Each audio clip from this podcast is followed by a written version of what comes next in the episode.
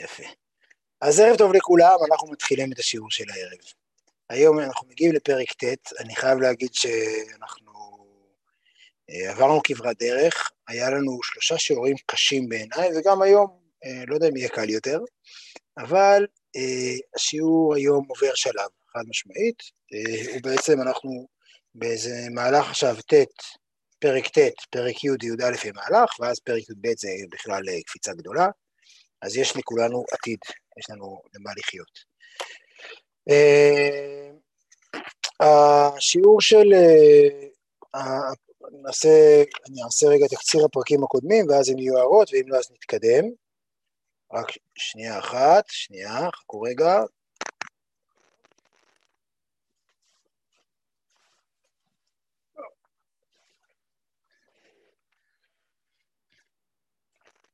אה, זה עוד לא קרה לכם. אה, שלום. אה, שומעים אותי? תעניינו כזה, שומעים אותי? הכל בסדר? נשמע קטוע קצת? אוקיי, סע. האינטרנט פתאום אה, התחיל להיות חלש, אבל אני לא יודע, אני מקווה שזה יעבור לו הענן הזה. בסדר עכשיו? אוקיי, אז אני אתחיל ומקווה שהכל יהיה בסדר. אז ככה, אז נעשה שנייה רגע סקירה, ואז אני אגיד מה בעצם קורה היום ולאן פנינו.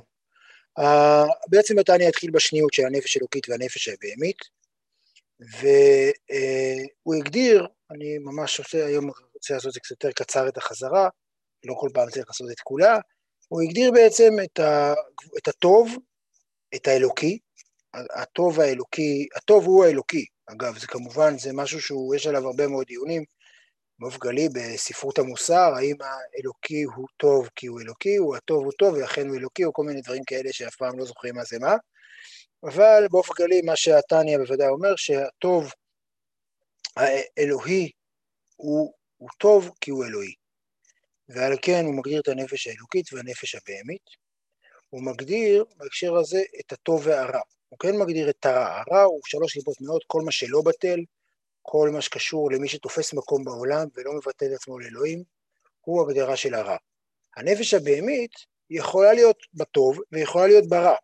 הנפש הבהמית היא אומנם המקור לרע, אבל היא לאו דווקא הרע, והיא היא חלק ממערך שלם שעסקנו בו ארוכות, שזה קליפת נוגה. קליפת נוגה זה כל מה שכביכול שטח הניטרלי, אינו טוב ואינו רע, כמעט כל העולם הזה, כל מה שאנחנו מכירים בעולם הזה, ועסקנו שזה בעצם הנוגה, קליפת הנוגה היא המרחב שבה הנפש האלוקית צריכה לפעול, שבה האדם צריך לפעול ולהפוך אותו, אה, להפוך אותו לאלוהי, להפוך אותו לטוב, להפוך אותו לקדושה. והדבר הזה הוא בעצם המהלך המרכזי של הפרקים האחרונים, שבו הוא תיאר לנו, אחרי שהוא תיאר לנו את הפוטנציאל של הנפש האלוקית, שפוטנציאל אדיר להגיע לקשר מוחלט עם אלוהים, הוא בעצם עובר לפוטנציאל, הוא מסביר את, הפוטנציאל, את האופציה של הנפש הבהמית, שזה אומר לוותר על ההזדמנות החד פעמית הזאת, לוותר על ההזדמנות החד פעמית שבו לאדם יש מרחב של ניטרלי, שיכול לכבוש אותו לקדושה ולהפוך אותו למרחב אלוהי, והוא בעצם, זה מה שהנפש הבהמית עושה, שהיא בעצם מחמיצה הזדמנות אחר הזדמנות, הזדמנויות היסטוריות של, של הקוסמוס כולו, והוויתור הזה הוא ויתור, אה, אה, הרגע הזה הוא רגע דרמטי ועצוב אם הוא אכן קורה.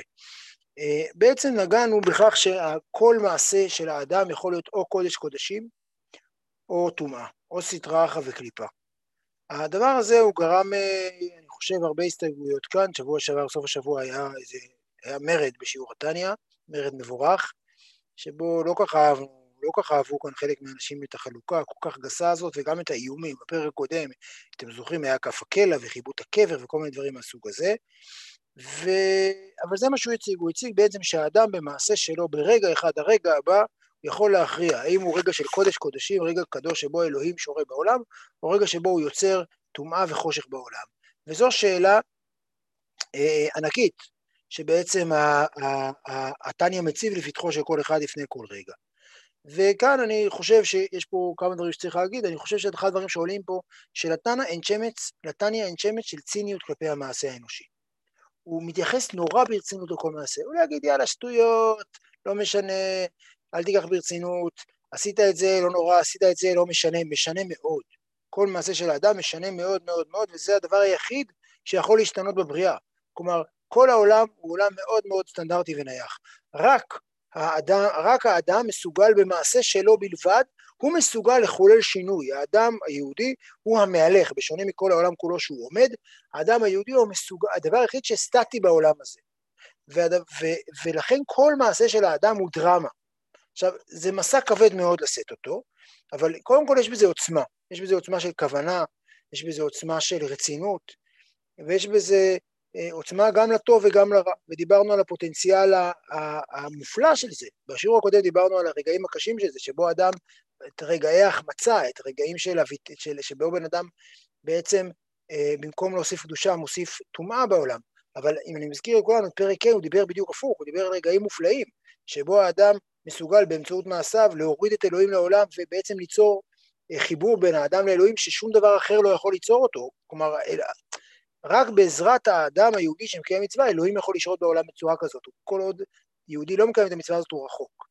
וגם באותו דבר, כלפי דברים שבהיתר, ארוחת ערב יכולה להיות, להפוך להיות עולה קורבן לשם קודש קודשים, בזכות האדם הזה. והדבר הזה הוא דבר שאפשר, אה, אני חושב שיש מה להקשיב לקריאה הזאת, להתייחס ברצינות רבה למעשים שלנו, לכל רגע ורגע. אה, ואני אגיד שני דברים שהם ככה קצת ספוילר, אבל אני חושב שהם משמעותיים בשביל להירגע מהצריבה הכואבת של השיעורים הקודמים. הדבר הראשון, שהתניא הוא ספר, הוא, הוא ספר שבינוני, אבל אפשר גם להגיד שהוא ספר של ההווה. הוא מאוד מאוד חי את הרגע, אין שום הבטחה, כלומר, שהוא כתב שם גיהנום של שלג, כל הדברים האלה, זה לא שהוא פוחד על העתיד, ברגע זה אתה בגיהנום של שלג. ברגע זה אתה מקלקל הכל, כלומר אין פה, כל, הוא ספר של ההווה, ברגע זה אתה מסוגל להגיע לדברים מטורפים, אין פה דירוג, זה לא איזה מסילת ישרים כזה של ספר שאי פעם תגיע לאיזה רגע מופלא. הרגע המופלא קורה עכשיו ברגע שאתה עושה את זה. אם אתה מרגיש או לא מרגיש, זו שאלה אחרת ונגיע אליה, אבל באופן כללי זה ספר של ההווה. ויש בזה איזה מימד אה, שיש בו, אה, הוא קצת מרגיע, כי אה, גם על הכוונה של ההווה וגם על היכולת שמה שקרה לפני שעה לא כל כך משנה, אתה עכשיו יכול לבחור בחירה אחרת ויש לה משמעות אדירה. דבר אחר שמרגיע אותי, ואני כן אומר אותו, אני חושב שהפרקים שבשנים האחרונות, פעם לא כל כך הבנתי אותם בתניא, אבל בשנים האחרונות שלמדתי שוב ושוב תניא, יש פרקים באזור הלמד, שהם פרקים שלמרות כל הדרמה הזאת, למרות כל הקריטיות הזאת של כל מעשה ומעשה, אין בתניא שמץ של, של אה, אשמה, התניא לא מביא שמץ של אשמה, עצבות, כבדות, אין בזה, זה בכלל לא נמצא שם. והוא מצליח מאוד, במהלך מאוד מאוד יסודי, להסביר איך האדם, האדם לא צריך שיהיה לו שמץ של אשמה, ושמץ של אה, אה, כאב, ושמץ של רחמים עצמיים וכל הדבר הזה, וזה מהלך מאוד יפה שאני ממליץ לכולכם להגיע למי שרוצה בערך עוד 20 שבועות, לא, משהו כזה, לא, בפרק כ"ו זה מתחיל, אז עוד בערך 16 שבועות, תצטרפו, 17 שבועות, חזרו אלינו.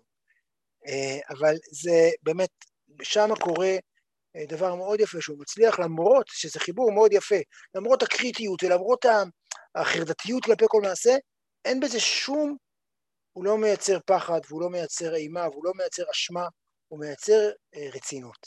והוא מייצר את זה על כל רגע הבא, לא על הרגע הקודם. וזה משהו שאני כבר מניח אותו עכשיו. אז זה מה שעשינו עד עכשיו. פרק ט', שעוד רגע נפתח אותו, הוא בעצם מתאר את המפגש. יש לנו נפש אלוקית ונפש בהמית, הוא תיאר כל אחת מה היא עושה, עכשיו הוא מתחיל לתאר מה כל אחת רוצה במרחב של האדם והמפגש ביניהם. שכמובן, שזה המימד הכי משמעותי בספר, הוא מפגש שכולו מלחמה. ואנחנו היום נדבר במונחים מיליטנטיים, כי הוא מדבר במונחים כאלה, וזה מה שהוא יציג לנו כאן. אני אעשה הפוגה רגע, ואם מישהו רוצה להגיד משהו על העבר, או משהו כזה, או לשאול משהו, זה אחלה, ואם לא, אז נצלול לפרק ט'. אוקיי, okay, יש אה, איזשהו uh, סטטוס שקיבלתי בוואטסאפ היום על uh, עניין ההשגחה הפרטית, מה שהוא מדבר עליו עכשיו, על, בעצם על כל מעשה ומעשה, ולא זו בלבד שכל פרטי תנועות הנבראים למיניהם הם בהשגחה פרטית, ואי חיות הנברא וקיומו, אלא עוד זה תנועה פרטית של נברא, יש לה יחס כללי לכללות כוונת הבריאה, שבצירוף וייחוד כל, כל הפעולות הפרטיות נשלמה הכוונה העליונה בסוד הבריאה כולה. מתבונן האדם, מה אם תנועת עשר באה בהשגחה פרטית ונוגעת להשלמת כוונת הבריאה, אז מין המדבר בכלל, וישראל עם קרובו בפרט על אחת כמה וכמה. זה מה שאתה אומר לגבי ה... זה שכל פעולה ופעולה, כל תנועה ותנועה היא כל כך קריטית, כל כך חשובה. כן, כן. זה... אני חושב שההשגחה הפרטית פה היא עוד יותר של האדם על עצמו, לא פחות מאשר של הקדוש ברוך הוא עליו. אבל ההשגחה הפרטית היא ציפייה מאוד מאוד גדולה. היא מכילה ציפייה מאוד גדולה, כאילו כל אדם עומד על איזה במה, עם קהל אדיר, כמו, לא יודע מה, בנינג'ה, איך קוראים לזה, נינג'ה ישראל, שעומד קהל גדול, רק שלא ייפול למים שם, אז זה, זה, זה מה שקורה, כאילו, כל צבא השמיים והקדוש ברוך הוא, זה הדימוי. עומד ומסתכל מה יקרה לבן אדם הזה, וזה הקריטיות, זה נכון, זה מאוד מאוד נמצא. אז uh, הנה אנחנו מגיעים לפרק ט', הנה הוא, אתם רואים אותו? רגע, אני אעשה שאני אראה אתכם גם. הופה. אתם רואים את הפרק? רגע, אני אכווץ אתכם קצת. אוקיי. יפה מאוד. טוב, אז פרק ט'. הוא מתחיל, קודם כל, אני כבר אומר לכם, איזה פיזיולוגיה, בסדר? שהעיקרון שלה נכון. והנה, מקום משכן נפש הבהמית שמקליפת נוגה בכל איש, והנה מקום משכן נפש הבהמית שמקליפת נוגה, כן אמרנו שהנפש הבהמית מקורה מקליפת נוגה, בכל איש ישראל, ובלב בחלל שמאלי, שהוא מלא דם. וכתיב כי, כי אדם הוא הנפש. כלומר, יש שם בעולם של בעל התניא, יש בלב שני חללים, חלל ימני וחלל שמאלי, והלב, עכשיו אני לא חושב שהוא חשב משהו מוחשי בהקשר הזה, אני לא חושב שהוא חשב שהצד השמאלי של הלב הוא, הוא קליפה והצד הימני הוא הלב, הוא הליבה, הוא הקודש, אני לא חושב שהוא באמת, לא נשמע שזה באמת, אבל הוא בכל אופן נותן פה איזה תיאור שאני חושב שהוא מרוויח, מה שהוא מרוויח מזה שהוא פיזיולוגי, זה שהוא מתאר את זה כעובדה אנטומית. זה לא שאלה, הוא לא שואל אתכם אם אתם מרגישים, הוא לא שואל אתכם, זה כמו שאף אחד, לא יודע אם אף אחד, סליחה, אני לא יודע איפה הלבלב שלי, ואני לא מרגיש את הלבלב שלי. אני מניח שיש רגעים שבהם מרגישים אותו נורא ואיום, אבל העובדה שהוא מתאר את זה כתיאור אנטומי, הוא אומר, תשמעו, זה שם, עזבו אתכם, אל תתעסקו איתי, אני יודע מה יש לכם שם, זה שם. שזה דווקא דבר משמח בשבילי. והנה מקום משכן נפש הבהמית שמקליפת נוגה בכל איש ישראל הוא בלב בחלל שמאלי שהוא מלא דם. כלומר, וכתיב כי אדם הוא הנפש, כלומר אדם שמחיה את הגוף, שוב זה מדגיש לנו שקליפת נוגה אינה רעה, אלא קליפת נוגה היא החיות של האדם. ושם נמצאת, שם זה המקום שלה, משם, שם המרכז העצבים שלה. אה, ולכן כל התאוות והתפארות וכעס ודומיהן הם בלב, ומהלב הן מתפשטות בכל הגוף, וגם עולה למוח שבראש.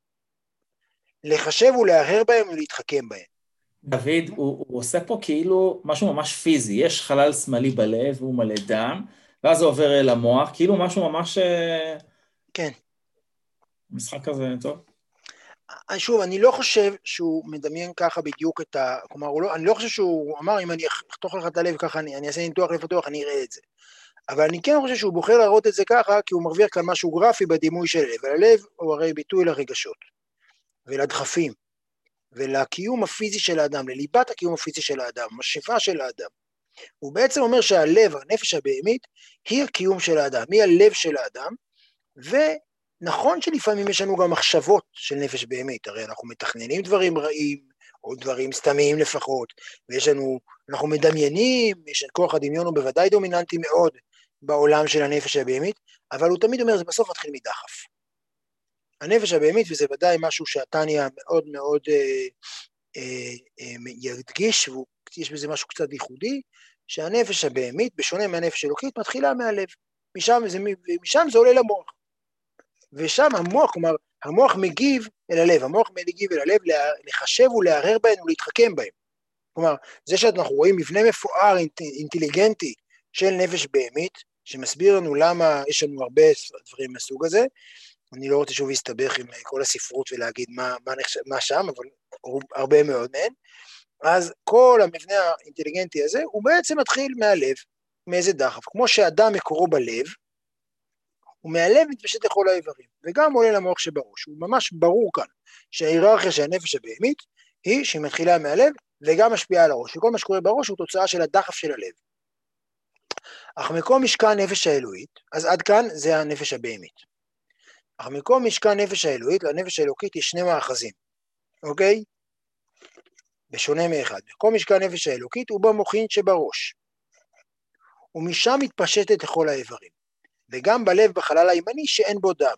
הדימוי שלו שיש חלל עם דם, חלל עם דם סוג של אה, כזה אה, ואקום כזה או משהו מעין זה, לא משנה בכלל, אני לא נכנס בכלל לתיאוריות אה, פיזיות שהוא מדבר, זה לא נראה לי שיש בזה משהו מעניין, אבל אולי בשביל מי שמתעניין בזה, אבל מה שכן נורא חשוב פה, שהמוח מבחינתו עקרונית המוח שייך לנפש אלוקית. אנחנו מדמיינים שהכל מחולק, שגם הלב מחולק וגם המוח מחולק. לא. המוח הוא לפעמים, אה, אה, המוח ובעיקר המחשבה, מוצא את עצמו אה, אה, מציית לנפש, לנפש הבהמית, ל, ללב. אבל המוח שהוא בנקיותו, וזו נקודה עקרונית שהתניא הגיע בה הרבה, שאין אדם חוטא אלא אם כן נכנסה ברוח שטות. שאדם, אם הוא, השכל שלו ישר, אם הוא מבין, אם יש לו תבונה, ואם הוא, אם הוא החשיבה שלו לא מעורפלת ולא משובשת ולא מושפעת אה, מהלב שמתיש אותו בכל מיני דחפים, אז, אז הוא רוצה את הקדוש ברוך הוא. זה משהו מאוד עקרוני, שהתניא ידבר, וזה מאוד מאוד מדהים לדימוי של התניא, של חוכמה בינה דת, שזה המרכז של העניין הדתי, והמוח הוא בגדול, אם הוא נקי, אם הוא לא מושפע, הוא אלוהי. אז, ו, וזה הסדר הנכון, כלומר, המוח עובד נכון, הנפש אלוקית עובדת נכון, היא מתחילה מהמוח ומשפיעה אל הלב. אך מקום משקע הנפש האלוהית הוא במוחין שבראש, ומשם מתפשטת לכל האיברים, וגם בלב, בחלל הימני שאין בו דם, כלומר, משם יש לה חלל שבו היא שולטת, החלל הימני שאין בו דם הוא מרחב שבו המוח האלוהי שולט, והוא שולט בו בקלות, כלומר הוא שלו. וכמו שכתוב, לב חכם לימינו. שהצד הימני הוא לב חכם, שימו לב, גם הלב הזה הוא לא, אל תגידו לב נרגש, או לב, אה, לב אוהב, לב חכם, גם הלב הזה הוא נהיה לב חכם כאשר הנפש האלוקית מצליחה, מצליחה להשפיע עליו. ואיך זה נראה שהלב נהיה חכם? והיא, עכשיו הוא יתחיל, בפר... זה משהו שהוא יעשה הרבה בפרק, הוא יתאר איך זה נראה. וזה מאוד חשוב לו, הוא מפרט את זה בהרחבה, הוא לא רק אומר, נותן פה מבנה, אלא נותן פה את החוויה, איך זה נראה, ותמונה איך זה נראה. והיא אהבת השם כרשפי שלבת, מתלהבת, בלב משכילים, כן? כי האנשים שמגיעים לדבר הזה זה אנשים שעברו תהליך מחשבתי, המבינים ומתבוננים בדעתם אשר במוחם, בדברים המעוררים את האהבה. שזה המהלך הבסיסי והנכון והמסודר, ככה הנפש העילות עובדת, וכבר ראינו את זה בעצם בפרק, בפרק ג' כבר ראינו את המהלך הזה, שבו יש שכל שמשפיע על המידות. אז המהלך פה הוא בעצם מהלך שבו השכל, יש רשפי שלהבת מתלהבת. גם כאן, אני, אני קורא את הדברים האלה, אני לא יכול שלא לחשוב שהוא כותב את זה, זה סוג של אה, שיר כזה פתאום, זה נהיה פה באמצע, שאין לי ספק שיש בו איזה רכיב אוטוביוגרפי, כלומר, משהו שהוא מכיר מבפנים. רשפי שלהבת מתלהבת, בלב משכילים, המבינים ומתבוננים בדעתם אשר במוחם, בדברים המעוררים את האהבה. זה השיר. וכן שמחת לבב, מתפארת השם והדר גאונו. כאשר עיני החכם אשר בראשו, במוח חוכמתו ובינתו, מסתכלים בעיקרא דמלכא, ובתפארת גדולתו עד אין חקר ואין סוף את תכלית כמבואר במקום אחר, וכן שאר מידות קדושות שבלב, הם מחוכמה בין לדעת שבמוחם. כלומר, זה המבנה הנכון שבו השכל, החלק, השכל שהוא כולו אלוהי, מצליח לחשוב ולהשכיל ולפגוש את מה שמעבר. וזה אגב הבדל מאוד מהותי בין הלב לשכל. הלב חי בתוך עצמו, בעיני, בעיני בעל התניא. הדחף יוצא מבפנים החוצה. השכל הוא מה שיכול לקבל את מה שמעבר לו. בעצם לכן השכל הוא המרחב שבו אפשר לפגוש את אלוקים. המשמעות של זה היא שבעיני התניא בוודאי עבודת השם תמיד מתחילה מהשכל, וכבר ראינו בזה, שהוא לא מתלהב מעבודה, כלומר אם משהו פתאום יוצא לך, פתאום אתה מתמלא חשק לאלוהים בלי עבודה שכלית, וכבר אמרנו את זה כבר בפרק אה, ג', שרוב הסיכויים שזה לא קשור לאלוהים, שזה אה, מיצי הקיבה שלך מתעוררים לאלוהים, כמו שהיה אומר הרב שטייטלס. אה, זה לא, מתעוררים למשהו שאתה חושב שזה אלוהים, סליחה. והדבר הזה, זה בעצם המהלך של הנפש האלוקית, הוא שהוא מתאר פה קודם כל אהבה, התלהבות, שמחת לב, נקרא את זה רגע שוב, כי זה, יש פה, זה יפה, שאתה מסתכל בעיקר עד המלכה, זה היכולת של השכל, להסתכל בכבוד המלך, ותפארת גדולתו עד אין חקר, אתה עומד ורואה את האינסוף הזה, וזה גורם להתעוררות הזאת, זה בעצם המהלך של הנפש האלוקית, כאשר היא עובדת נכון. אבל, וכאן מגיע אולי השורות הכי מרכזיות בתניא, מבחינת הדימוי של חיי האדם. הנה כתיב ולאום מלאום יאמץ. רגע. הנה כתיב ולאום מלאום יאמץ. כי הגוף נקרא עיר קטנה. וכמו ששני מלכים נלחמים על עיר אחת, שכל אחד רוצה לכובשה או למלוך עליה, דהנו להנהיג יושביה כרצונו ושיהיו שרים להשמעתו בכל אשר יגזור עליהם. אז נקרא, שוב, זה, לא רציתי לעצור באמצע, אז אני אה, קראתי את הדימוי הזה. יש פה שני דימויים שאני אשים, שנשים לב לשניהם.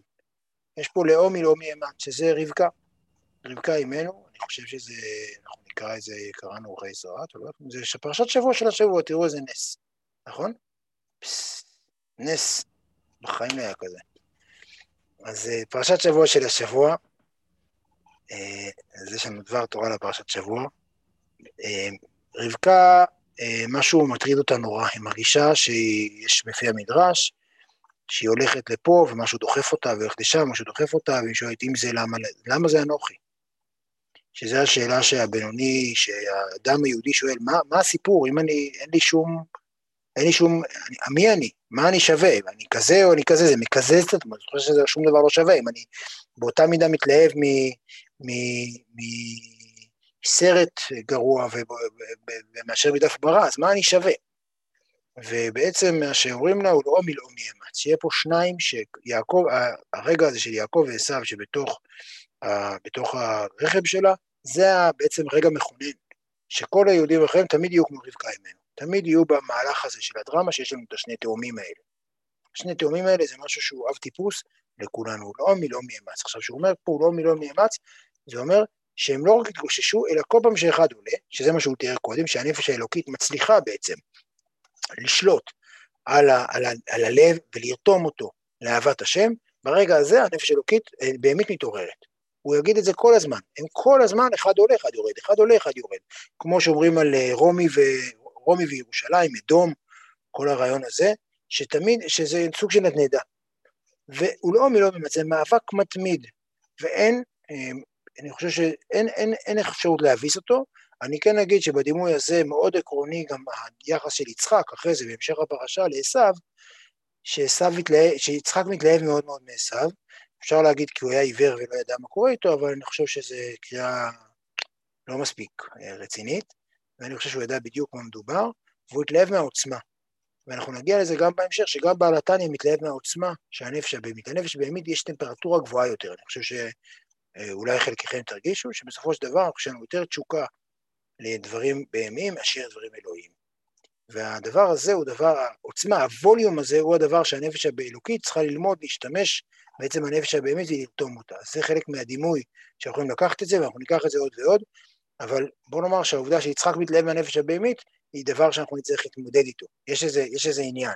אבל זה הדימוי הראשון, הוא לא מילוא מאמץ. ואז הוא מגיע בעצם לדימוי המרכזי, כי הגוף נקרא עיר קטנה. וכמו ששני מלכים נלחמים על עיר אחת, שכל אחד רוצה לכובשה ולמלוך עליה. דהיינו להנהיג יושביה כרצונו ושיעור שרים למשמעתו בכל אשר יגזור אליהם. יש פה עיר אחת, עכשיו תזכרו, היה לכאורה דואליות, פתאום יש פה עיר אחת. העיר אחת זה המחשבה, דיבור ומעשה שלנו, שיכולים להיות רק אחד, בשונה מאשר הנפשות שהן כפולות. וכל אחד מהמלכים רוצה גם לכבוש, גם למלוך וגם להנהיג יושבי כרצונו. כלומר, הוא רוצה mm. ממש, הוא רוצה שלטון טוטליטרי, טוטלי, שהוא, ש, שכל אחד מהם רוצה להגיע אליו, וכל מה שאמרתי לכם על הדימוי המיליטנטי נמצא פה, וזה ימשיך ככה עוד, עוד הרבה. זה לא רק פה יהיה, וזה הדימוי שהוא נותן, של מוצב צבאי, ולכן אה, יש פה, יש פה איזה היגיון. מעניין לחשוב אם הוא פגש שני מלכים כאלה, האם זה פריט היסטורי, כלומר, האם הוא פגש או לא. אה, הרי בסוף ימיו, אנחנו יודעים, אני, ידוע שהוא בעצם ברח, כי הוא בטעות לא תמך בנפוליאון, הוא, הוא, הוא התנגד מאוד לנפוליאון, ונפוליאון כן כבש את בלרוסיה, את איפה שהוא גר, אז לכן הוא ברש, ברח לאדיץ', והוא קבור היום באוקראינה בחור שאין לתאר בגלל הבריחה הזאת, אבל... Uh, אה, זה בעצם, אולי זה קשור, אבל זה הוא כתב הרבה לפני, אז לא נראה לי שזה רלוונטי. אז בכל אופן זה הדימוי שהוא נותן. קח שתי הנפשות, רגע. עיר קטנה זה מה ששלמה המלך אמר, לא? נכון, יש עיר קטנה בקהלת. יש עיר קטנה שם, אבל לא, לא, לא, לא, לא זכור לי שיש שם אה, עיר קטנה ואנשים במעט, אני לא חושב שהוא משתמש בזה עוד. יכול להיות שזה קשור, יכול, צריך לעיין בזה, אני לא מכיר את זה מספיק, אבל זה בוודאי נשמע הגיוני. כך שתי הנפשות, האלוהית והחיונית, אבל אני חושב שהדימוי של רבקה הוא נורא חזק. של השני תאומים האלה שמושכים, ושני, ושני, ושכל הזמן, מי, מי בכור, מי, הבכורה מתחלפת, האהבה מתחלפת, הברכה מתחלפת, וכל הזמן לא ברור מי, מי, מי בראש, זה, זה הדימוי שבשבילי הוא מאוד מאוד חזק. כך שתי הנפשות, האלוהית והחיונית הבהמית שמהקליפה. כן, אנחנו מזכירים כאן חיונית הוא קורא לה, שאמרתי שזה גם חלק מהשמות שלה. נלחמות זו על זו, זו עם זו על הגוף, על הגוף, וכל איבריו. שהאלוהית חפצה, חפצה ורצונה, שתהא היא לבדה מושלת עליו ומנהיגתו, וכל האיברים יהיו שרים למשמעתה. הוא מתחיל מהאלוהית, אבל זה כמובן נכון באותה מידה גם לבהמית, והוא יגיע אליה בסוף הפרק בשורה. שהאלוהית חפצה ורצונה, שתהא היא לבדה המושלת עליו ומנהיגתו. וכל האיברים מיוסרים למשמעתה ובטלים אצלה לגמרי, ומרכבה אליה ויהיו לבוש עשר בחינותיה וג' לבושי הנ"ל. כלומר, האלוהית, מה שהיא רוצה זה שלטון מוחלט. היא רוצה אה, לשלוט על כל האיברים, ושכולם לא רק לשלוט, לא רק שלטון שיכירו בזה שהיא שולטת, אלא שלטון שבו הם בטלים אליה לגמרי, זה שלטון הכי איום ונורא, כלומר, הכי עמוק. שאנחנו יכולים לתאר, הכי טוטאלי שאנחנו יכולים לתאר. יהיו שרים למשמעתה לגמרי, לא רק שרים למשמעתה, אלא בטלים אצלה לגמרי. ומרכבה אליה, מרכבה, זה ביטוי... אה, דוד, זה הבינוני? מה זה? זה המטרה של בינוני כאילו הדבר הזה, או שזה כבר... לא הגענו לבינוני, לא, אנחנו עוד לא מתארים, בפרק הבא נתחיל לדרג את האנשים לפי היחס, לפי היחס שהם מתחילים ליצור בין הנפשות. כרגע הוא מתאר מה כל אחת מהנפשות רוצה. בסדר? עוד לא דיברנו. לא, הרצון הזה, הרצון הזה, בסופו של דבר, כאילו, זה מי שברצון מגיע. אתה עוד לא יודע מה זה הבינוני, למה? אנחנו עוד לא יודעים, הוא עוד לא שם את זה, לא צריך לשים את זה אם הוא עוד לא שם את זה, אני עוד לא יודע כלום, בסדר? לא, אז כרגע הוא מתאר מה הנפש רוצה. אבל הנפש רוצה בטלים אליה ומרכבה אליה, כלומר מרכבה, זה אומר שהיא רוצה שהם יהיו לחלוטין אה, מדיום עבורה. הנפש האלוהית רוצה שכל האדם, על כל האיברים שלו, כל אחד מהם יהיה סוג של מדיום, פשוט מכשיר עבורם. ויהיו לבוש עשר בחינותיה וגאים מלבושיה הנ"ל. שיתלבשו כולם, כלומר עשר בחינותיה זה חסד גבורה תפארת וכל הספירות, וג' מלבושיה זה מחשבה דיבור ומעשה של תרי"ג מצוות התורה, אם אני מזכיר לכם את פרק אה, ד', שיתלבשו כולם באיברי הגוף. ויהיה הגוף כולו מלא מהם לבדם, ולא יעבור זר בתוכם חס ושלום. שימו לב כמה מילים בלעדיות, כמה הנפש האלוהית לא רק רוצה לשלוט, היא לא רוצה לשלוט מוחלט, היא מוח... רק בלעדיות מוחלטת. זה מה שהיא רוצה. אגב, שוב, הנפש הבהמית רוצה אותו דבר בדיוק. הנפש הבהמית היא לא נפש ליברלית. זה כבר לא מסתדר לי עם יעקב נגיד. שמה? אה, שהוא רצה... זה לא מסתדר לי עם יעקב. טוב, למה? כי יעקב כאילו... הוא קצת כל הזמן ניסה להתחמק ממה שהוא היה אמור לעשות עד שהוא הבין שאין לו ברירה. אני אגיד משהו, משהו עקרוני, הנפש, הנפשות לא מיועדות לבטל זו את זו. הן צריכות להשתמש אחת בשנייה. הן לא אמורות לבטל אחת בשנייה. כלומר, אין פה איזה עניין של... טוב, זו שאלה גדולה, אני, אתם יודעים, אני אומר פה משהו שהוא לא מובן מאליו, לא בטוח שהוא נכון גם, ואפשר, אני, זה, זה קצת מה שאני הייתי רוצה שאתה אגיד, ואני לא הוא אומר את זה לפעמים, לא תמיד הוא אומר את זה, פה הוא אומר לגדה, הוא בטלים את זה לגמרי, פה הוא בוודאי אומר שהמלך רוצה לכבוש לחלוטין, ולגרש את המלך השני, זה מה שהוא אומר פה, במקומות אחרים הוא אומר דברים קצת יותר אה, עשירים מבחינת השימוש במלך השני. מה שלא יהיה, שהוא המשפט הזה, ויהיה הגוף כולו מלא מהם לבדם ולא יעבור זר בתוכם חס ושלום. זה מה שהוא רוצה, המלך, הנפש האלוקית, רוצה שלטון מוחלט. דהיינו, מה הכוונה, ושוב הוא מפרט, הוא מפרט כאן, וזה פירוט uh, שמאוד uh, עקרוני לו, דהיינו תלת מוחין שבראש, כלומר יהיו ממולאים יש במוח, המוח בעיניו, אני לא מבין בזה היום, מחולק לשלוש אזורים, כל האזורים הללו יהיו ממולאים מחוכמה בין הדעת שבנפש אלוהית. כלומר שהמוח יעסוק רק בחוכמה בין הדעת שבנפש אלוהית. מה זאת אומרת שהמוח יעסוק רק שהיא חוכמת השם ובינתו, להתבונן בגדולתו עד אשר עד אין חקר ואין סוף, ולהולין מהם על ידי הדעת, אני יוצא רגע כאן, כי כאן נגמר המוח, כן, אמרנו חוכמה בין הדת, כלומר, המוח יהיה כולו לזה, זה מה שהיא רוצה, היא רוצה שכל מה שהמוח יחשוב, זה, זה אגב, אני לא יודע אם קראתם את קריאת שמע לאחרונה, אבל קריאת שמע זה הטקסט, זה מה שהטקסט הזה אומר. תחשוב על זה כל הזמן, זה דבר שיעניין אותך, בכל הלבך, בכל נפשך, בכל, תחפור על זה לילדים שלך, תכתוב את זה על הקירות, תכתוב את זה על הידיים, תשים את זה בין העיניים, כאילו זה פחות או יותר הרציונל של קריאת שמע, וזה מה שנמצא שם. לעשות את כל המהלך הזה, שוב, התבוננות בגדולתו, אה, עד אשר עד אין חקר, ועל ידי זה הוא להוליד ממנו על ידי הדעת, כלומר, ידי, לא רק שאתה חושב על זה, שאתה חושב על זה מאוד מאוד מאוד ברצינות, מאוד מאוד מבפנים, אתה מוליד מהם היראה שבמוחו ופחד השם בליבו. הדבר הזה אמור ליצור יראה ופחד בלב שלך, ואחרי זה אהבת השם כאש בוערה בליבו, כרשפה שלבת. להיות נחשפה וגם קטן נפשו בחשיקה וחפצה לדבקה בו באינסוף ברוך הוא. בכל לב הנפש הוא מאוד, מאונקא דליבה, שבחלל הימני. כלומר, זה מה שהנפש רוצה, ככה זה אמור להיראות. האדם הופך להיות אה, מנגנון, או אה, מנגנון מסעיר, שבו האדם, שבו מתחיל מהלך של התבוננות גדולה מאוד, של מפגש בין האדם אל האינסוף, שהמפגש הזה אה, אל מול האינסוף יוצר בהתחלה יראה, קודם כל, המפגש עם אלוהים מתאפיין קודם כל ביראה, באיזה רתיעה לאחור מהגודל, ואחרי זה באיזה הערצה וזינוק פנימה, דמיינו את זה ב... להבדיל בכל מיני אנשים שאתם מעריצים, או אתם מכירים אנשים שמעריצים, זה מהלך שקודם כל וואו, ואז רגע, אני רץ אליו, כאילו משהו, מהלך מהסוג הזה, ושוב, אהבת השם כאש בוערה בליבו, זה מה שהוא מדמיין אהבת השם, הוא לא אומר, אהבת השם פה היא משהו מאוד מאוד ברור, מאוד סוחב ומאוד טוטאלי. ככה זה צריך להיראות, וזה ה... אני חושב שהוא קורא את זה כל פעם, הוא כל פעם מחדש, הוא לא אומר כמו שכתבתי, למרות שהוא כבר כתב את זה לדעתי פעם, שלוש פעמים כבר פגשנו את, ה, את המהלך הזה, או ארבע, רק בפרק הזה פגשנו את זה לפני רגע, אם שמתם לב. והוא כותב את זה כל פעם וכל פעם וכל פעם, כי הוא, הוא לא רוצה שנתרגל, לא רוצה ש... אה, כל פעם מחדש רוצה להסביר, שנהיה, שנבין בדיוק על מה הוא מדבר. אה, בכל לב הנפש הוא מאוד, אני חושב שזה תיאורים הכי, מהיפים ביותר שיש לאהבת השם. יש בהמשך עוד, רגע, אני אסתבך לי פה במחשב. הופה. אה, בכל לב הנפש הוא מאוד מעומקא דליבה שבחלל הימני, כלומר שהדבר הזה ייגע באמצעות החשיבה במוח עד עומק עומק הלב שבחלל הימני, שכולו יהיה רתום. עכשיו, השאלה מה קורה עם החלל השמאלי, כן? הנפש הבהמית אלוקית ניצחה בקרב, באותו רגע, היא רתמה את המוח, המוח כולו חדור באהבת השם, המוח כולו חדור ביראת, במחשבות על השם, הדבר הזה יוצר בהכרח תגובות רגשיות מאוד מאוד סוערות, ואז מה קורה בחלל השמאלי? עד שהיא תתפשט גם לחלל השמאלי.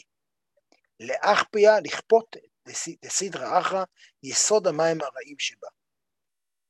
שהיא התאווה שמקליפת נוגה. אני יוצר כאן עוד פעם, כי יש פה מעבר מאוד משמעותי שהוא עושה אותו במילה, אבל המהלך הראשון, קודם כל, מרוב שאתה אוהב, אתה כופה. המלך השני, הנפש הבהמית, כפות, נקרא את זה ככה, הוא בחלל השמאלי, החלל השמאלי של הלב, הוא הופך להיות מנוון, הוא הופך להיות לא, לא משפיע כהוא זה על קורות חייו של האדם, והאדם כולו רק כופה על הדבר הזה. בכפייה, יש שם איזה, יש שם מישהו שצועק, קבור, מודחק, קשור בחלל השמאלי של הלב, אבל לא מקשיבים לו. זה הדבר הראשון. אחפיה, או בלשון חב"דית יותר, אה, שנראה אותה גם בהמשך הדני, זה איתקפיה.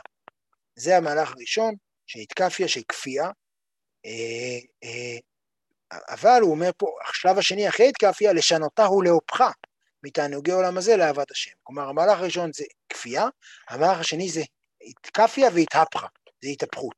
שהדבר הזה במקום לאהוב, כל הכוח של התשוקה, אמרנו קודם, הכוח של התשוקה, העוצמה הגדולה של עשיו, כל הכוח הזה, במקום להיות תענוגי עולם הזה, הופך להיות לאהבת השם. שאדם, אה, אה, כמו שיש אה, שיר של הרב דוב זינגר, שהוא שר לרב נחמן, שאנחנו אוהבים לאכול משניות וללמוד בפלים, אמרתי את זה כבר פה, אז, אה, אז אה, לא אשאיר לכם את זה, אני, למרות שהייתי חבר אה, במסדר ששרנו את זה כל יום או כל אה, פעמיים בשבוע, אבל היה לנו המנון, היינו, היה לנו חבורת, אה, חבורה שלמדנו, והיה לנו המנון שקראנו כל פעם, אז היה לאכול משניות וללמוד בפלים. אז, אז אותו דבר, התשוקה, שבן אדם חוזר הביתה, את זה כן אמרתי כאן, חוזר הביתה מותש מעבודה, הוא במקום להגיד, אני חייב, בא לי, תנו לי משהו לאכול, אומר, שנייה, אני חייב שתי משניות, תנו לי שנייה, אני חייב, אני לא יכול להתאפק, אני חייב. אז זה פחות או יותר הדימוי של התהפכה. שאתה כולך, אתה פשוט חייב את זה, זה, זה אתה, אתה אומר, אתה מסיים דף יומי, אתה אומר, לא, לא, אני לא יכול לעצור, אני במתח, אני חייב עוד דף. כאילו כל מיני דברים כאלה, או תדמיינו בתפילה, כל אחד כל כך רחוק מהחיים שלי לפחות. אה, כאמור, כולנו מחכים שהשיעור, גם שהשיעור הזה יסתיים. אה, ולהפכה מתענוגי העולם הזה לאהבת השם. כמו שכתוב בכל לבבך, בשני צריך, כלומר בכל לבבך, שני הלבבות שלך, גם הצד הימני וגם הצד השמאלי. והיינו שיעלה ויבוא ויגיע. מוכר לנו גם כן, יש פה הרבה אזכורים. יעלה ויבוא ויגיע. הבן אדם עובר למדרגת אהבה רבה וחיבה יתרה, ממדרגת אהבה עזה כאיש באש.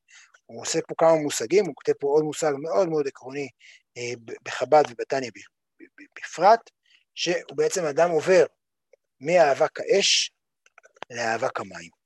שאהבה כאש זה אהבה שיש בה כפייה, שיש בה אפילו יסוד אלים, שהאדם בצמא אדיר, אדם בריחוק, אדם באהבה כאש, יש בה סוג של געגוע יותר גדול מאשר נוכחות, ואהבה כמים זה בדיוק הפוך. הוא עובר לכך שבמקום להיות בעולם חשוך, הוא נהיה בעולם מואר, שבו פשוט אלוהים נמצא פה. שבו הוא כבר לא באיזה געגוע אינסופי, ממלא אש, ממלא אנרגיה, אלא פשוט העולם מפסיק להיות עולם חשוך בשבילו. הוא בעולם שהעולם פתאום משנה את הכל, פתאום התשוקה של זה שהוא אוהב, מתחשק לו ללמוד גמרא בפשטות, הוא כבר לא רואה, הוא כבר, הוא כבר איבד את, ה, את המרחק, המרחק בין האדם לאלוהים, כבר הוא איבד, הוא מרגיש את זה כל הזמן פה, וזה אהבה כמים שעליה הוא מתאר. זה בעצם סוג של... אה, אה, עכשיו, אה, אני כבר אה, אגיד לרעת אהבה כמים, שאבק, בעל התניא אחרי זה, שהוא ידבר על הבינוני, שאבק האש היא הרבה יותר דומיננטית אצלו, כי הוא תמיד רחוק, הווליום שלה הרבה יותר גבוה מאבק המים. זה ברור, נכון? השירים היפים לא יוצאים מאבק המים. השירים הטובים הם לא שירים של איזה כיף אנחנו נוסעים 40 שנה. השירים היפים זה שאת חסרה לי, והשירים, התשוקה הגדולה, הדברים האלה, יוצאים דווקא משם, אני לא, כמובן, להיות נשוי 40 שנה זה אחלה, אבל התניא יצטרך להסביר למה טוב גם לא להיות, למה, לא, למה טוב להיות רחוק. ואת זה הוא יצטרך להסביר uh, למי שמרגיש ככה. אבל באמת מה שהוא מתאר כאן זה ההצלחה, זה ככה, ככה נראה שהנפש האלוקית מצליחה לכבוש לחלוטין את האדם, שהוא יעלה ויבוא ויגיע למדרגה, אני חושב שאת כל הקטע הזה, אם הייתי עושה עם אנטרים קצת, היה נראה לנו לגמרי כמו שיר, ככה זה נראה לי. יעלה ויבוא ויגיע למדרגת אהבה רבה, מחיבה יתרה, ממדרגת אהבה עזה כרשפי אש. אגב, מי שמכיר בסידורים, אז יש מנהג בשבתות, במקום להגיד, יש אשכנז ספרד פה גם, אבל בנוסח ספרד, להגיד בשבת במקום אהבת עולם, שזה אהבה כאש, זה מקביל לאהבה כאש, כי זה אהבה מתוך העולם, מתוך המרחק, לאהבה רבה, לסוג של נוכחות, שזה מה שאמורים להרגיש בשבת, בתפילת שבת בבוקר, זה מה שאמורים כביכול להרגיש. אה, מחיבה יתרה מדרגת אהבה עזה כרשפי אש, והיא נקראת בכתוב אהבה בתענוגים. להתענג על השם, אין עולם הבא. זה כבר לא אה, מאבק, פה כבר אין מאבק. והעונג הוא במוח. חשבתם עונג של זה, לשבת, ליהנות, אז העונג של חב"דניקים זה במוח, והעונג הוא במוח, במוח חוכמה ושכל המתענג בהשכלת השם וידיעתו, כפי השגת שכלו וחוכמתו. הוא בחינת המים, הוא בחינת המים וזרע אור זרוע, רגע, אוח, זה לא מעצבן, שבקדושת נפש האלוהית. המהפכת לטוב את בחינת המים שבנפש הבהמית, שמהם באו תאוות הנוגי עולם הזה מתחילה. כלומר, יש פה מהלך שבו אה, המים שבעצם מגלים את העובדה שבתוכם זרוע אור. המים האלה שעד היום עשו, לכך, עשו לנו תשוקה לכל מיני קליפות, עשו לנו תשוקה לבזבז את הזמן, או לראות סרט טוב או לאכול סתם, המים הללו הופכים להיות אותה תשוקה, הופכת להיות התשוקה, אה, במקום תאוות, העולם, תאוות הנוגע עולם הזה, היא רוצה רק אלוהים. זה אהבה כמים, זה הרגע של הניצחון המוחלט של הנפש האלוקית על העיר קטנה הזאת, ככה זה נראה. ו... אמ, טוב, עוד שנייה אני אגיד דברים אחרים. כמו שכתוב ביצחיים שער נ' פרק נ' בשם הזוהר, שהרע נהפך להיות טוב גמור. כמו יצר טוב ממש. כלומר, הרע, אין כבר, הלב פה הוא כרגע בשלטון טוטאלי, ככה זה נראה שהנפש אלוקית מצליחה. הלב כולו רתום, הרע הוא לחלוטין עם, עם הכוחות שלו, עם העוצמות שלו, עם כל התשוקות של המים, עם כל המים האלה שם שמלאים תשוקה כיום לדברים אחרים, הופך להיות טוב גמור. כלומר, האדם שותה מים, וכל טיפת מים שהוא שותה, וכל תה שהוא שותה, וכל אוכל שהוא אוכל, וכל סרט שהוא רואה, וכל דיבור שהוא עושה, וכל דבר שהוא עושה, הכל נהיה טוב גמור. כל, כל, כל, האדם הזה, כבר מבחינות מסוימות אין הבדל אצלו בין מצוות לבין, כל, לבין דברים המותרים. אין הבדל בין זה שהוא ישן לבין זה שהוא מניח תפילין. האדם הזה. זה בעצם הכל, הכל לחלוטין כרוך באלוהות. כמו יצר טוב ממש, והסיר הבגדים הצועים ממנו שהם תענוגי עולם הזה שהוא מלובש בהם. זה בעצם התיאור שלו. וכן שאר כל המידות שבלב, שם ענפי היראה והאהבה יהיו לשם לבדו. כן, ברגע שהאדם הזה רק אוהב את כל, את, הכל אצלו אלוקות, אז כל היראה והאהבה רק לשם לבדו. זה הדבר היחיד שהוא מפחד ממנו, זה הדבר היחיד שהוא אוהב אותו. הוא לא אוהב שום דבר אחר. לא מעניין אותו שום דבר אחר, והכל הוא גם ביטוי של השם. יכול, אגב, שוב אני אומר, הוא לא כתוב כאן שהוא, מת, אין פה שום רכיב של הסתגפות או של הסתפקות במועט, יכול להיות שהבן אדם הזה, כמו מה שכותב בפרק קודם על רבי יהודה הנשיא, אוכל ושותה כל הימים, זה לא משנה, הכל השם לבדו. וכל כוח הדיבור שלי בפה ומחשבה שבמוח יהיו ממולאים מלבושי המחשבה הדיבור של נפש אלוהית. כולו, גם המידות וגם הדיבור, הכל, שאין מחשבת השם ותורתו, להיות שיחתו כל היום. כל היום הוא רק חושב על השם ועל התורה. זה כל היום משיחתי. לא פסיק פום מגרסה, הפה שלו לא מפסיק מלימוד. וכוח המעשי שבידיו ושאר רמ"ח איבריו יהיה במעשה המצוות לבד, שהוא לבוש השלישי של נפש אלוקית. כלומר, כל מה שהוא עושה זה מצוות. אני לא חושב שמה שהוא אומר כאן שהוא עושה רק מצוות, אני חושב שכל מה שהאיש הזה עושה הוא מצוות. זה מה שאני הייתי מבין כאן. אבל אפשר אולי להבין גם אחרת. שהוא לבוש השלישי של נפש אלוקית. כלומר, האדם הזה כולו אה, הוא התחיל בעצם מהתיאור של הנפש האלוקית, שכרגע היא בשיא תפארתה, היא ניצחה את ה, ביחס בין הנפש האלוקית. לנפש הבריאותית, היא ניצחה את המהלך, ולכן קודם כל היא, היא, היה פה התבוננות, היה פה מהלך של אהבה כאש, של אהבה מגעגוע, של ריחוק, של כאב, של הסתערות, ואז היא בעצם הצליחה אה, אה, במהלך שהוא עוד לא אומר איך הוא נעשה, והוא גם עוד לא נותן לנו כרגע, אני רק אומר, הוא כרגע נותן תיאור, הוא עוד לא נותן פה, הוא עוד לא אמר לנו כלום מה לעשות. חשוב מאוד, הפרק הזה הוא לא פרק שאומר מה לעשות, הוא לא, הוא מהרבה בחינות הפרק הזה הולך לתסכל אותנו בהמשך. כי הוא הולך להגיד לנו, אני אגיד את זה כרגע, אין לכם שום סיכוי להגיע לדבר הזה, בסדר? וזה אחלה. זה מה שהוא הולך לעשות לנו מהלך, שמצד אחד הוא מציג לנו פה מודל, שצריך להבין למה הוא מציג את זה, מצד שני הוא יגיד, ואתם, חברים, אין לכם שום סיכוי להגיע לדבר הזה, וזה נהדר שאין לכם שום סיכוי להגיע לדבר הזה. אני אגיד גם למה זה נהדר. זה נהדר כי, זה, כי הטיפוס שהוא מציג פה בעיניי קצת משעמם. וזה הוא, לא הייתי אומר את זה אם מתניה לא היה אומר את זה. הוא היה אומר, הוא אומר את זה מפורשות, הוא אומר שמאכלים חריפים הרבה יותר שווים ממאכלים מתוקים. הוא כותב את זה מפורשות בהמשך התניא, והדבר הזה הוא מתוק. כולו מתוק, מתוק, מתוק. הפרק הזה פרק באמת כזה מלא אופטימיות, אבל הוא יגיד, הוא, לכן הפרק הזה הוא תיאורי, הוא מתחיל מאיזה תיאור אנטומי, ממשיך לתיאור של המאבק בלב, וגומר כרגע בדבר הזה, אבל הוא לא גמר לגמרי, יש לנו שלוש שורות נורא חשובות, אך נפש הבהמית, כן, כל זה היה לנו, אה, אה, קח שתי הנפשות, טה-טה-טה-טה, כל דבר, שהאלוהית חפצה, שלוש נקודות, נכון? קראנו עכשיו כמה שורות מה האלוהית חפצה, ועכשיו תראו כמה הוא נותן לבהמית, כבר אנחנו רואים שאין פה שוויון. אך נפש הבהמית שמהקליפה, רצונה להפך ממש לטובת האדם. כלומר, דבר שהיא להפך לטובת, כלומר, היא רוצה את הפך הדבר הטוב לאדם. הדבר הטוב לאדם זה מה שקראנו עכשיו, שיתגבר עליה, והיא רוצה, עכשיו, סליחה, אני אקרא את זה יותר מדויק, אך נפש הבאמית של הכיפה רצונה להפך ממש. כלומר, היא רוצה בדיוק, היא רוצה שלטון מוחלט, שאדם לרגע אחד לא יחשוב על אלוהים, שיחשוב רק על תשוקות ותאוות, שכל המוח שלו יהיה מלא רק בדברי הבל, רק באיך לעשות, איך, איך, איך, זה אנחנו אולי מכירים קצת יותר. והדבר הזה, זה מה שהיא רוצה. למה היא רוצה את זה? וזה מאוד יפה, הוא עושה פה משהו, שבירה מאוד משמעותית, שהוא עד היום לא אמר את זה בצורה קונסות מפורשת, לטובת האדם. כל הנוכחות של הנפש הבהמית זה טובת האדם, כדי שיתגבר עליה וינצחנה. כלומר, כל המהלך של הנפש הבהמית, היא, היא רוצה את זה, אבל באמת באמת היא רוצה לטובת האדם. ואז הוא מביא פה כמשל הזונה שבזוהר הקדוש. יש משל שמלך אחד רוצה מסיבות השמורות עם הזוהר, לבחון את הבן שלו. והוא שולח אליו את הזונה הכי יפה בממלכה. אז מצד אחד, הזונה, בשביל לעשות את התפקיד שלה, צריכה לעשות את התפקיד שלה, לנסות לפתות אותו ככל שניתן.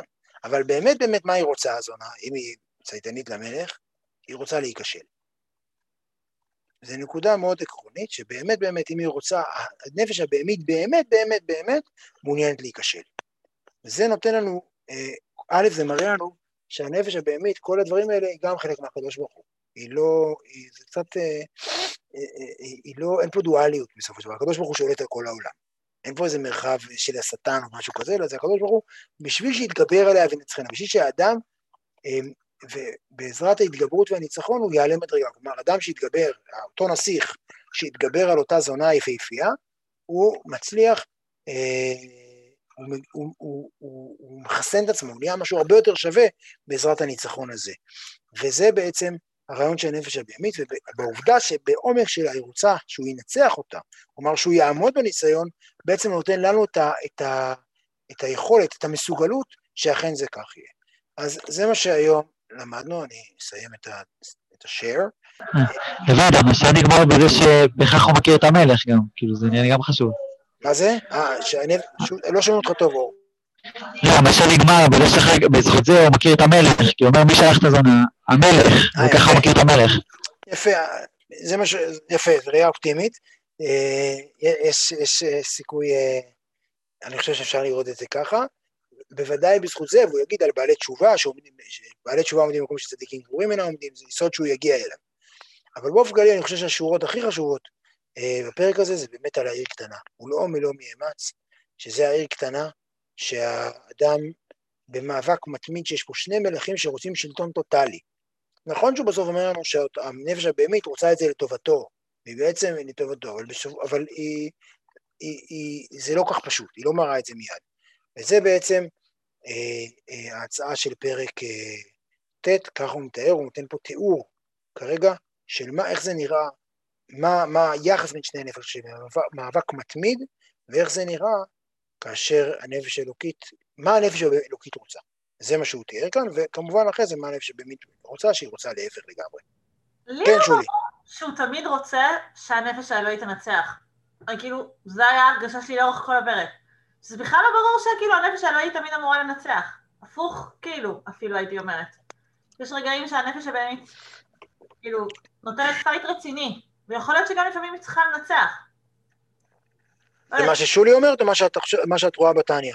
לא, כאילו אני מרגישה, כל הזמן חיכיתי כאילו לרגע הזה שהבעל התניא יגיד, אבל תדעו לכם שהנפש האלוהית היא אחלה. אבל זה לא עובד, בפ... כאילו בפועל אתם צריכים את הנפש הבהמית. אני גם מרגישה שככה הוא מסיים את הפרק בסוף. יגיד את זה, לא קודם... קונה, כאילו הוא לא קונה את כל התיאורים שלו של כאילו כמה, של המים. הוא לא, אני, אני כאילו לא, הוא לא מכר אותי על הסיפור הזה של המים. אני חושב שכן, כאילו, אני נוטה להסכים איתך, גם בוודאי בנחיצות של הנפש הבהמית, זה בוודאי, הוא גם יגיד את זה מפורשות, שכל הפרק הזה הוא יגיד מפורשות שזה לא יעד של האדם הנורמלי. אה, אה, נורמלי במובן הסטטיסטי של המילה. אה, זה לא יעד של האדם הנורמלי, היעד הוא אחר, אבל, וגם האדם צריך את הנפש הבהמית, זה מה שהוא כותב בסוף הפרק, בשביל להתגבר עליה. בשביל להתמודד, ההתמודדות היא, היא טובה, היא שומרת אותו ערני וגורמת לו להתקרב לקדוש ברוך אני אה, כן חושב שהוא כן מצייר פה ציור שהוא מנסה, בהחלט, אה, יש בו מימד של, בציור הזה שהוא, שהוא מרשים. שהוא מרשים, הוא נותן איזו תחושה מה הדבר שאנחנו מחפשים, מה, איך זה נראה כשזה בשיאו. זה עוד, לא, זה עוד לא אומר שום דבר עלינו, אבל זה כן נותן איזו תמונה שלגבי הפוטנציאל הרוחני שלנו, לפחות, שאפשר לאהוב את השם, אפשר להתלהב ממנו, שאפשר להיות בשלבת, אפשר להרגיש שהלב שלך בוער. אלה דברים שבכל אופן כדאי... אה, אבל אתה חושב שזה הדימוי שהוא רוצה שיעמוד לנו מול העיניים כל הזמן? לא, בפרקים הבאים הוא ידבר על זה מפורשות. ידבר על זה מפורשות. אני לא קונה את זה. כאילו, אני, רק אוהב כל פרק, אני כאילו, גם למרות שאנחנו, אני יודע את ההמשך, אני אוהב את זה בפרק הזה. הפרק הזה מציג פה איזה מודל, אני חושב שהוא בשבילי יש בו משהו מאוד מרגש לקרוא אותו, במובן האמיתי והפשוט של להבין מה הפוטנציאל של האדם, מה המרחב שהאדם יכול לפעול בו. לאן האדם, מה האדם מחפש, מה אנחנו צריכים להגיע. טוב חברים, זה היה פרק ט', אה, אתם, אנחנו היינו אנחנו, אתם הייתם אתם. אה, לילה טוב, לא? לילה טוב. אה, דוד, שנייה, שנייה, לא שומע אותך, אתה שומע אותך ממש גרוע. רגע. רציתי לשאול שהנפש הבהמית שרוצה לעשות ההפך, היא רוצה שזה עבירות או שזה רק בשטח המותר? וואי, לא שומע אותך בכלל, אור אי אפשר להבין, אני מצטער, תנסה שוב. אני אומר שהנפש הבהמית רוצה לעשות ההפך, היא רוצה לעשות מעשים אסורים או רק בשטח שמותר? לא, היא רוצה, היא לא אכפת לה. הנפש הבהמית לא אכפת לה אם זה מעשים אסורים. אור שאל אם הנפש הבהמית, אנחנו נראה את זה בהמשך יותר, קודם כל הוא לא כל כך מתעכב עליה ולכן אני לא מספיק יודע, אבל מה שנראה שזה לא אכפת לה. כלומר, היא רוצה סתם. לא אכפת, ברגע שאדם, אה, הש...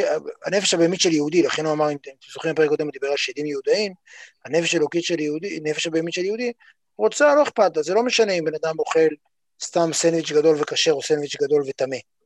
אה, זה לא כזה משנה, כל עוד זה סתם, הכל בסדר. כל עוד זה מחובר, לא מחובר לאלוהים, הכל סבבה. לא נראה לי שזה... ככה נראה, ניכר פשט הכתובים. אה, זה העניין. יאללה, חברים, לילה טוב, להתראות. לילה טוב, תודה רבה. תודה רבה. אה,